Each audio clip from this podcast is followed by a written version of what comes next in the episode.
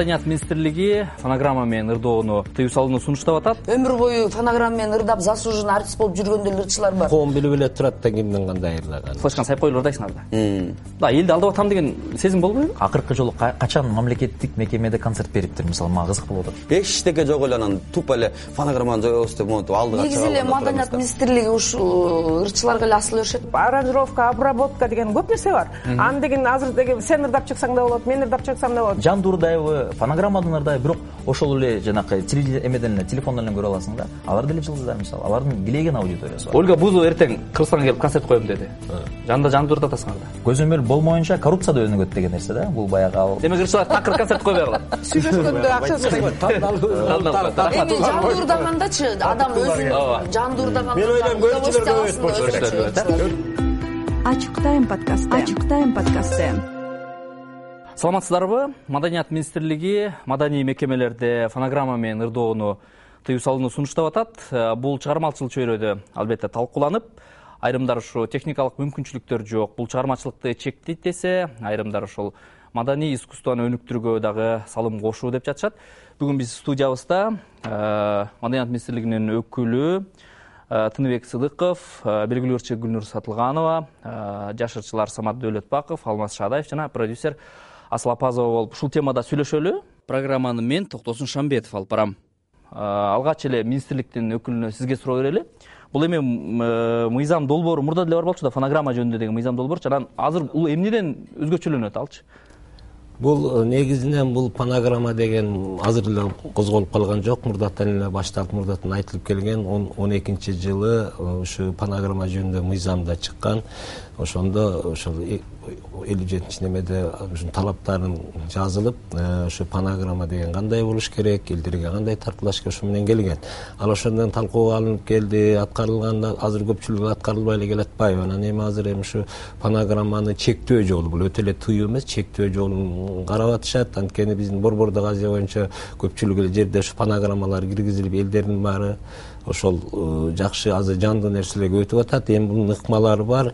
Бирок э, эми бүгүнкү күндө ошол баягы элдин укугун угуучуларды маданий мекеме дегенде клубдар маданий мекемеге филармония спорт ордосу бүт баарына э бүт баардыгы эле клубтан баштап ошо маданият үйлөрү кирет театр оюн зоок мекемелери кирет бул мыйзам бар болчу анан буга чейин иштеген эмес да. Азыр болсо буйрук менен бекиткен атасыңарбы азыр эми министрдин буйругу менен буюрса бекитилет. Бирок азыр иштелип каралып ошол такталып атат эмелерде ырдалганда э, көпчүлүк жерлерде ырдалганда фонограммаларга чектөө коюлат. Бир мыйзам долбоору же бир сунуш бир анализдерден кийин келип чыгат да демилгечи анан азыр эми ушунча сапаты начар ырлар э, сапатсыз ушу үнү жок ырчылар көбөйүп кетти деген анализ барбы бир жерде?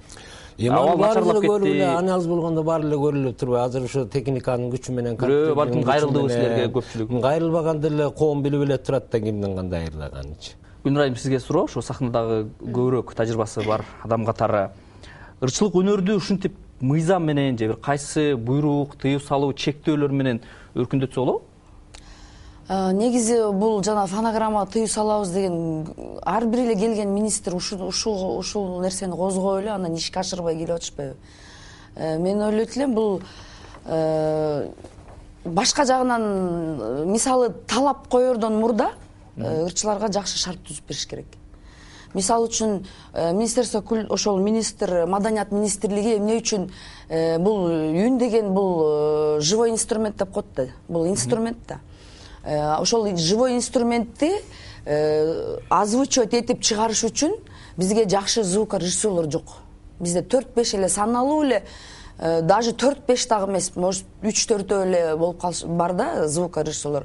Ошол эле э, мисалы правительственный концерттер деп атпайбызбы ошол концерттерге катышканда деле өзүлөрү бизди фонограмма менен ырдагыла дешет потому что шарт жок жандуу ырдаганга азыр техникага шылтайбыз да мисалы мугалимдерге да талап кылса алар дагы айтат бизге шарт жок деп.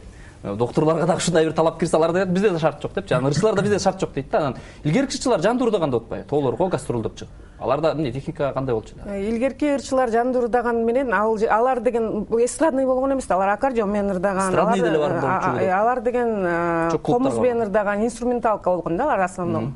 Инструменталкалар болгон да. Ооба комуз аккордеон комуз менен ырдашканда ал эстрада деген эстрада кийин эле бизде чыкты да кийин пайда болду. ал клубдарга концерт койгондо демек алар ошол өзүлөрүнүн аспабы менен ойногон. Инструменталка менен жүргөн да аларчы самат мырза сизге суроо бергим келип атат азыр ушул дүйнө өнүктү фонограмма деген тема деле эскирди окшойт. Мисалы фонограмманын өзүнүн сүйүүчүлөрү бар шоуну сүйөт. Жандүүнүн өзүнүн көрөрмандары болот да. Анан азыркы күндө ушинтип фонограмма мыйзамын киргизгендин кандай бир талкуулоонун кажети барбы деп ойлойсузбу эгерде бул буйрук ошол эле кайрадан эле мамлекеттик мекемелерге иштеп туруп жеке желдерге иштебесе мисалы чай концерт деген нерселер бар мисалы корпоративдүү нерселер бар. Анда демек ырчы дагы ошого жараша өзүн алып барат да. Мисалы мурункудай эми өзүңүздөр билесиздер элдин баарына эле маалым элдер азыр көп концерт бербейт. Андыктан бул баягы ошол форматка өтүп кетиши да мүмкүн. Бирок негизинен бул демилге болуш керек деп ойлойм менин билишимче биз борбордук азияда биздин гана мамлекет болуш керек да. Ошол ошол буйругу ушул закону жок болгончу андыктан мисалы ошол эле коңшу казакстанда менин билишимче. Ал жерде мындай да нерсе мындай да демилге көтөрүлүп турат да мисалы мисалы концерттин форматын алдын ала айтуу. Билетке жазып коюу фонограмма менен болот. Фонограммасы жок болот. Же жарым фонограмма депчи. Муну баягы эме деп коет эми. Перформанс version деп коет. Муну мисалы ырлардын ырлардын мисалы основной эмеси мисалы баягы фондор кала берет. Бирок основной сен өзүңдүн все равно баягы сезимиңди жүрөгүң баягы боло турган нерсеңди микрофон аркылуу билдире аласың да. Эми мунун көзөмөлү көзөмөлү дагы бар да. Бул дагы чоң бир нерсе. Көзөмөл болмоюнча коррупция да өнүгөт деген нерсе да. Бул баягы ал эми бул чоң чоң бир проект да негизичи алмаз э, ушул азыркы ырчылардын мисалы концерт бергенге деле муктаждыгы азайды да? Тойго барат э, андан сырткары ютубта популярдуу болот. Телеге чыгуунун деле азыр мындай эмеси жоюлуп баратат да. Фонограмма сенин ырчылык э, мындай чыгармачыл эмеге кандай таасир этиши мүмкүн? Мындай тоскоол болобу же тескерисинче эчтеке болбойбу сен үчүн? Фонограммабы негизи чынын айтканда бүгүнкү күндө биз баягы көбүнчө фонограмма колдонобуз. Ошол эле тойго барсак деле Э, кайсы кечеге барсак деле көбүнчө фонограмма колдонуп жүрөбүз да. Э, бул нерсе бизге чындыгында оңой да. Э, бир күндө беш алты жерге барасың ырдап чыгып кетесиң да. Анан бул нерсе биз үчүн оңой бирок бул мамлекет үчүн баягы чет башка мамлекеттерге дагы биз уят болбош үчүн бул нерсе киргени бир чети туура бирок ошо киргичекте ойлонуш керек деп ойлойм да баягы маданият министрлиги көп нерсени бизге баягы талаптарга жооп бере турган нерселерди алдын ала түзүп бериш керек деп ойлойм да. Бул фонограмманы азыр баягы маданият министрлиги келе калып эле э, биринчи жумушту ушундан баштаганы туура эмес деп ойлойм. Концерт коюп же бир жерге барып кечеге ырдап атканда флешканы сайып коюп эле ырдайсың анда мындай элди алдап атам деген сезим болбойбу эми элди алдап атам деген сезим ал чакырып аткан эл өзү деле билет да. Ал мисалы үчүн бир частный кафеге барасың өзүнүн менчик. Ал той ээлери чакырат эми ар кандай случай болуп калат да? Анан биз негизи көбүнчө ошого көнүп алганбыз чындыгында. Баягы моюнга алыш керек көп жерден ошондой кылып ырдайбыз э, колдогонго колдойм бирок э, ошо маданият министрлиги дагы э, ошо бизге биринчи ойлонуш керек да кой ушул ырчыны ырчы өзү багат эл багат да ырчынычы а мамлекет бакпайт эч убакта. Просто министрлик ошол ырчыларга бир жакшы бир беш миң киши бата тургандай бир ушундай арена же ушундай бир залды куруп ушундай түзүп берсе биринчи ошолорду ойлонуп анан ушуну анан шашпай үч төрт жылдан кийин анан эми мына ырчылар силерге ушул нерсе даяр эми биягы мындай кылалы деп ушундай бир кеңештерди кылса туура болот го деп ойлойм эчтеке жок эле анан тупо эле фонограмманы жоебуз деп монтип алдыга негизи эле маданият министрлиги ушул ырчыларга эле асыла беришет да башка проблема көп да. Мисалы ошол эле библиотекалар бар ошо министерствого караган ошол эле э, элдин бирок библиотекада айтат да ырчылардан баштабайсыңарбы жаштарды китеп окуганга үндөгөн бир иш чараларды жасашсын.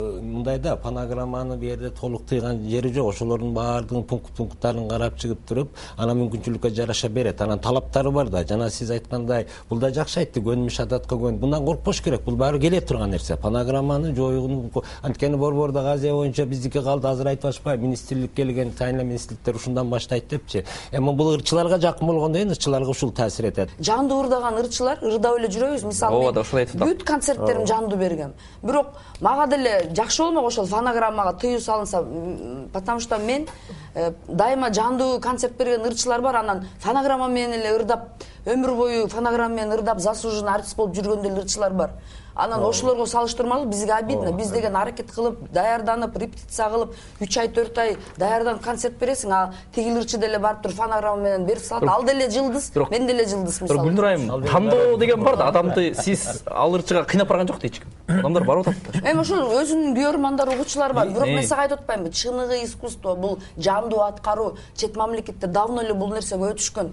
Бирөө фонограмма менен ырдап атса бир нерселерди ыргытып укпай же залдан чыгып кетип калышат зрительдер еще бизде мындай да токтосун бул экономикага түздөн түз таасир тиет. Мисалы ошол эле жандуу үн менен ырдаган гүлнур айтып атат да.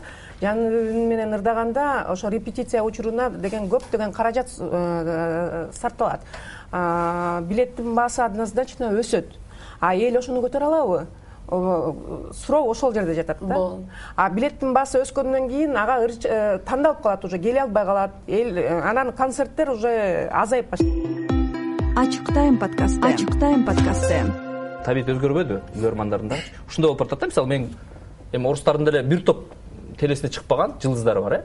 Ушундай болуп атпайбы азыр заманчы анан ушул учурда маданият министрлиги бир нерсени тескейм дегенди кандай карайсыз эми азыр заман ошондой коом ошондой биз бул бул нерседен э, эч кайда кетип качып кутула албайбыз. Ушундай эле болот.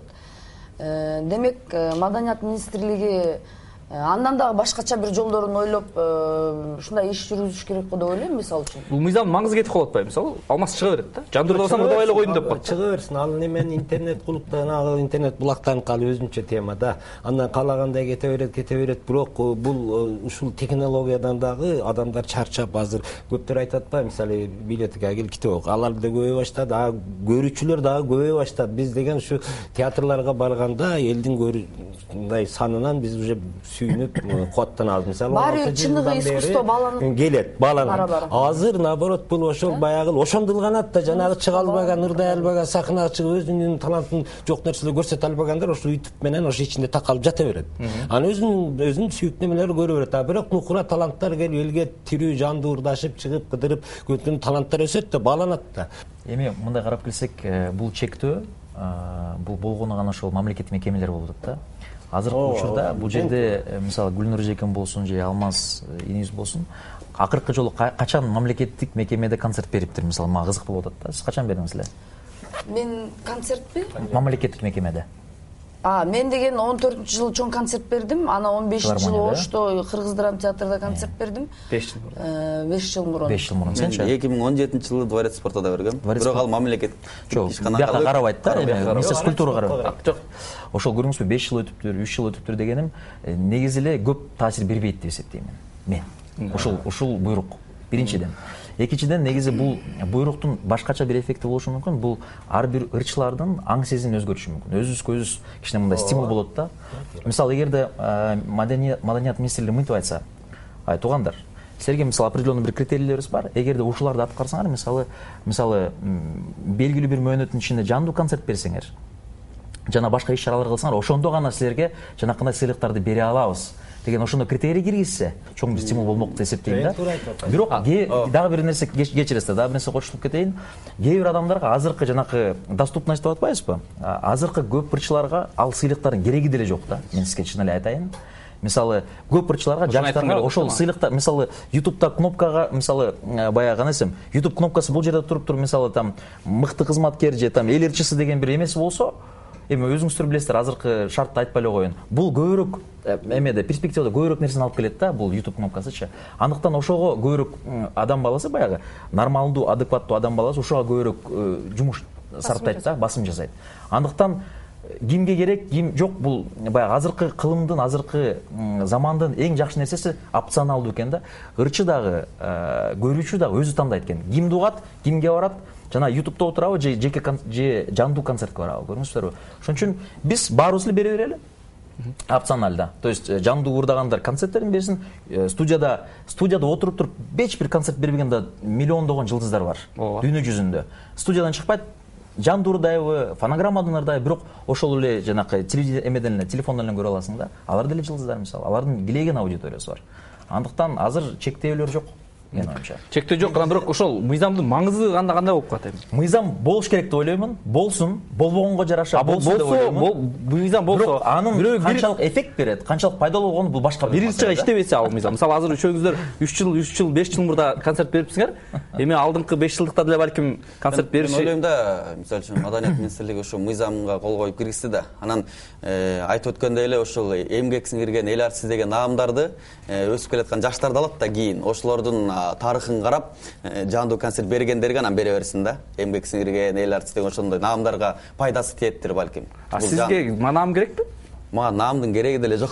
Эми наам эми мен бирок наам деле эми ал деле бизге ушунча бир баягы почерк болот бизгечи мисалы үчүн мен деле сахнада билинбеген мен он жылдан бери ырдап жүрүп турмун дагы бир э, он жыл иштесем мен деле ошо наамды күтүп калат экенмин да. Жыйырма жыл иштепчи ушу анан наамды маанилүү деп ойлойсуңарбы ушу азыр эми сиз жаш муундун өкүлү да. Эми маанилүү канчалык деңгээлде мааниси бар. Албетте баягы ушунча жыл тырышып эмгек кылып жүргөнүңө бир баягы э, мамлекет тарабынан болсо да кол коюлгандай бир эме болот да бул наамды да какпаш керек эметпеш керек просто э, дүйнөдө мамлекеттен наам сураган ырчыларды жылдыздар билбейсиң да эми биздин мамлекетте бул нерсе эми баягы аябай мааниге ээ болбосо дагы бирок э, баягы өзүң үчүн сенин келечектеги балдарың үчүн бул үйдө баягы жакшы илинип турса наам калыш керекпи же музыканы калыш керекпи?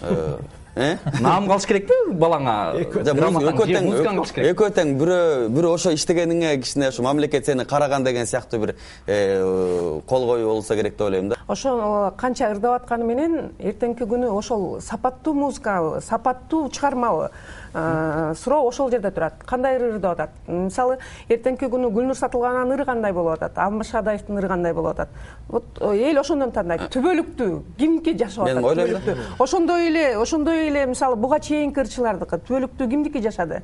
Анан э, ооба техникага э, техникага байланыштуу азыр техниканы шөкөттөп аранжировка обработка деген көп нерсе бар. Аны деген азыр деген отуруп э, сен ырдап чыксаң да болот мен ырдап чыксам да болот. Бирок ошол нерсени сапаттуу жасаш керек сапаттуу кылыш керек деген бул өзүнчө вопрос. Мен ошого кошулуп кетейинби азыр мисалы эле алыска карабайлы мисалы россияны карасаңыздар россияда эки эле бир персонажды айтайын. Бирөөсү алексей чумаков элдин баары тааныйт өтө бийик деңгээлдеги ырчы анын аудиториясы анан экинчиси ольга бузова. Мынакей экөөнүн ортосунда жыйырма эсе аудиториясынын эме көлөмү бар да. Ооба.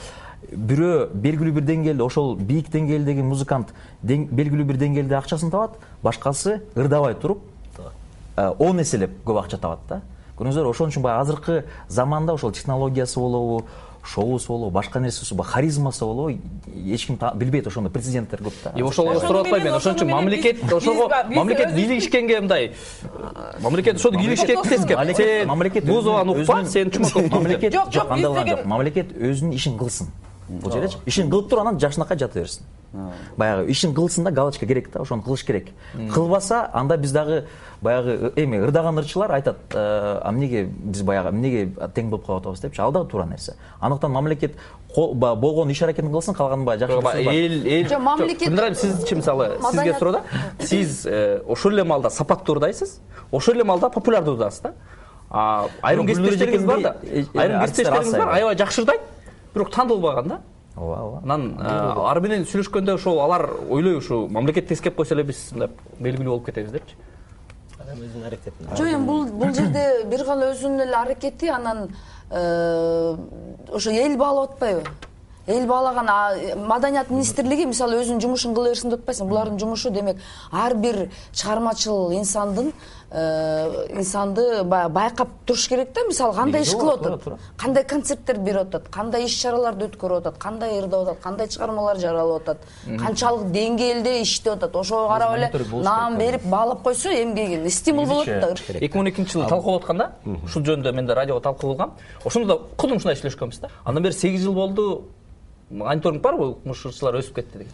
Ырчылар өсүп көбөйбөдү ошол ошол талаптар чыгып атат. Ошол мыйзам- мыйзамды бирок буга ошол мыйзам аткарылганда карама каршылыктар көп болду. Бул аткарылбай да келди аны моюнга алыш керек. Аткарылбай да келди көзөмөлгө да алынбай калды. Анткени баягы көзөмөлгө алыш үчүн тескеш үчүн укук берилиш керек да эки миң отузунчу а жылы. мыйзамды укпай атпай укук бер укук бергенде мыйзамга салмактуу азыр эми мында ошол мыйзамда экинчи үчүнчү үч- эки- экинчи беренеде жанагы фонограмманын түрлөрү бар. Минисопка присопка деп атабыз жа- жа- жарым фонограмма деп атабыз. Кандай жерлерде болуш? А үчүнчүсүнө ошол жерде даана көрсөтүлгөн мамлекеттик же мамлекеттик анан жергиликтүү бюджеттен каралгандарга тыюу салынат депчи шилимде айта аласызбы эки миң отузунчу жыл отузунчу жылы ушул жерде отуруп баарыбыз алмаз төрт жолу жандуу концерт берди деп. Ишенесизби ушу алмаз ушул мыйзам кабыл алгандан кийин эле мындай беш алты жолу концерт берип кетти берет болуш керек. Сиз- эгерде ушул темпте кетип барсак жандуулар көбөйөт негизичи мен жандуу концертти көп эле берип жүрөм да Жандуу ырдаган эл менен бир кандайдыр бир байланыш связь болуп бул өзүнчө бир керемет да. Энергетика буну бир жандуу берип алган ырдап эл менен мындай болуп алгандан кийинчи ырчы өзү эле каалайт ал нерсени. Ал кошо ойнойт элбаз мисалы мен азыр фонограмма менен көп жерде ырдай албайм. Ырда э, потому что мен жандууга көнүп калгам. башында айтып атпадыңызбы да- техника жок деп. Жок техниканын жокту мен айтып атпайм техниканын талапка жооп бербегенине карабастан ырдап атпайбызбы биз ошондон улам тамагыбыз ооруп калып атат мисалы асыл эже өзү биякта ошо ктркнын дагы ошо өкүлү болуп турат да анан мисалы ошондой бир э, именно жандуу ырдагандарды мисалы чакыра аласыңар передачаларга мисалы мындан кийин бир гана жандуу ырдаган могул адамдар бар ошол критерийлер гана келе алат катыша алат деп. Ошондой бир демилге көтөрө аласыңарбы силер жок бул мындай программа жасаса болот албетте бирок эме ошолор мисалы эмеде приоритетте турат дейм да ошол ырчылар приоритетте турат. В первую очередь ошолор чакырылат андан кийин гана башкалар чакырылат депчи. Анан а, ырчылар билесиңер кайра жаалы бир өтсөтүп мисалы баштайт стимул да? болмок да. жаалы Мисалы өтсөтүп стимул. баштайт. Аны мени чыгарган жок анан мындай тигиндей деп. Менимче аны категорияга бөлбөй эле. ошол жок жок жок. Сиздин эле суроого. Асыл айым кандай чилине критерий менен чакырылат ырчылар мисалы э, ар бир программанын өзүнүн редактору режиссерлору бар. Менин программам негизи э, музыкальная программа и андан тышкары женский журнал программа. А музыкальная программам болсо новогодняя программа ошол э, негизи мен кабакта ырдагандарга басым жасайм что англис тил орус тил кыргыз тилде жакшы ырдаган ырчыларды чакырганга аракет жасайм. Токтосун мырза бул жерде көрдүңүздөрбү бул жерде негизи баягы мисалы асыл айымдын өзүнүн э, самат деле программасы бар го демек э, ошол өзүнүн баягы табитине жараша кылат да негизи ар бир продюсер редактор өзүнүн табитине жараша чакырат. Ошол адам мисалы бирөөгө жагышы мүмкүн ошол ырчы башка бирөөгө жакпашы мүмкүн. Бирок ошондой моменттер бар да эми негизи бул э, баягы ким кайсыл ырчы кайсыл программага катышат деген да бир чоң бир суроо да негизичи маселе андыктан маселе сиздердин асман долбоору бар. Жаш ырчыларды таланттуу ырчыларды э, даярдап чыгарат да. Канча ыр- ырчы жылыңыз болуп чыкты жакшы суроо экен. Негизи дагы бир критерийлердин ошо- ошол ырчылардын аракети да. Вот биздин асман долбоорунда э, үч жылда мисалы э, жүз элүүдөн ашык адам телевидение ошо кастингине келген да. А эгер жалпысынан карасаңар эки миңден ашык адам ошол жүз элүү адамдын көбү таланттуу көбү таланттуу. Бирок канчасы азыр популярдуу болду алар ар биринен зависит этет мисалы ырлары жакшы үнү сонун жандуу ырдаган бирок аракети бар башка жагы бар репертуары бул жакта мисалы ошого салым кошолу деп атат да бирок бир ырчыны эстей албай атам да жылыз болуп чыгып кеткен бар эми арасында балким бул масштабтагы жылдыздар эмес бирок үч төрт жылдан бери. Ошол эле учурда жылдыз бар э, сали ош- динас деген ырчы э, бар. ошол эле Э, ошол эле учурда ютубта кавер ырдап эле популярдуу болуп кеткендер бар да. Ооба ооба албетте. Ошондон улай эле сизге суроо. Булар ошол жакшы таланттуу ырчыларды алып чыгалы деп конкурс кылса анан жылдыздарды билбей атам да мындай а, популяр чыгып кеткенчи анан бул мыйзамда дагы чы- чыгып кетиши мүмкүнбү ошол баягы ушу бааланбай жаткан таланттар мыйзамды баары аракеттен болсо. Аракеттен болсо булар эми бир күндө эле жылдыз боло калбайт да. Канча жыл болду? атат бирөө көп болду деп атат. Акырында акырындап чыгып туруп ылганат 2016 да. жылы башталган. Төрт жылдан бери төрт жылдан бери болсо чыгып атат дейт. Бирөө экөөнү айттым чыгып кетер аркадан келе берсе таланттуулар чыга берсе ылгана берет. Аракетинен. негизги максаты панаган таланттарды ылгоо нукура таланттарды ошо баалоо да Самат мырзалар ылгап атыптыр Баалоо. ылгап атат ылгап аткан менен бааланбай атпайбы азыр. Талант менен талантсыздар баары бирдей эле чыгып атпайбы. Элге кыйнап Ошо, баала талантты. элди кыйнап анан бирөөсү күч менен ырдаса бирөөсү жанагы компьютер менен ырдагалы бирдей болуп атпайбы. Ошолорду ылгап алуу болуп атат да бир эле суроо дагы э, жыйынтыктоочу суроолордун бири да. Ольга бузова эртең кыргызстанга келип концерт коем деди. Жанында жандуу ырдатасыңар да жандуу ырдайт ал жандуу кетсе Законго баш аны договорго келишимге жараша кайсыл болот. келишим түзүлөт кайсыл мекемеде ырдайт ошого байланыштуу? Келишимге жараша болот. Мамлекеттик мекемеге ырдайм десе а эгерде мисалы өткөндө келип өткөн жылы келип кетти мисалы бир э, кафелердин бирөөсүнө келип кетти эч ким аны э, чектей албайт. Техника? Бир эле суроо. Макул биздеги э, бишкектин борборундагы техниканы бат эле алса болот. Эми азыр өнүккөн заманда акча болсо ала алса болот а бирок клубтарда оңдолбой атпайбы айылдачы техниканы коюп булар ошол канча жылда ошол ырчыларга шарт түзүп берүү болжолуңар да бар? Буга жыл коюлбайт бул мамлекеттик деңгээлде жылда планга кирет дагы ошол клубтарда бир эле ошол үн режиссеруна керектүү бул мындай негизи английскийди окуп коюшуң керек эле дегендей эле болбойбу жок.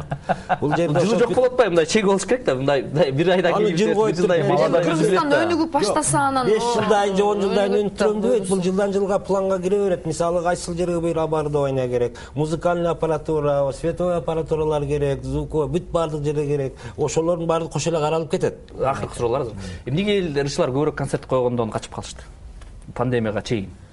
Негизи эле э, бизде концерт бул койгон фонограммадан жок ал фонограммадан билбейм мен го жандуу эле берип сиз эми ошо билесиз да ошол? Бирок э, мындай да биз концерт койгондо биз жөн эле элге отчет катары беребиз да. Биз ал концерттен мисалы э, аябай көп чыгымды талап кылат да мисалы концертчи анан э, эч ал концерттен акча таппайсың. Только чыгым болосуң спонсор таап калсаң еще жакшы жакшыраак сапатта жасайсың. Таппай калсаң болгон өзүңүн ошо каражатыңа жасайсың. Концерттен бизде эч качан каражат түшпөйт мен эми эки миң он жети эже айткандай эле мисалы үчүн сен концерттен только расход болосуң беш жүз миң алты жүз миңге аркаңа экранды чаптайсың ошого эле төлөп бересиң.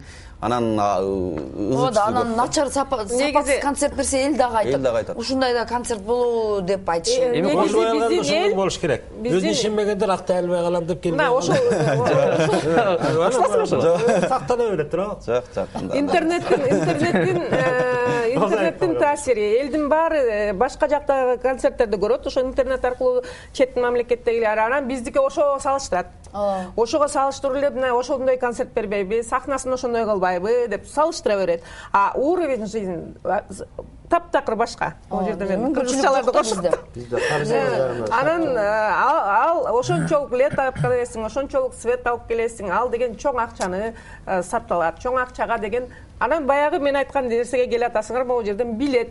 Билеттин баасын эл көтөрө алабы көтөрө албайбы. биз көтөрө Ошол албайбыз да, ещечи. анан э, ошол э, инструменталка турса эгер аркаңда э, жандуу үн турса аларга өзүнчө Баарына тыйын төлөнөт. ар бирине төлөнөт мисалы бийчилерге чынын айтайын концерт коюп атканда дворец спортада полду жууган эжеге бир жолу пол жууп кетсе эки жүз сом эки жолу пол жууп кетсе төрт жүз сом төлөнөт. Ой филармонияда деле момнтип кнопканы басып койгонунан бери эме төлөйсүң акча төлөйсүң да баардык акча да. Демек азыр концерт коюунун маселеси мындан да көп.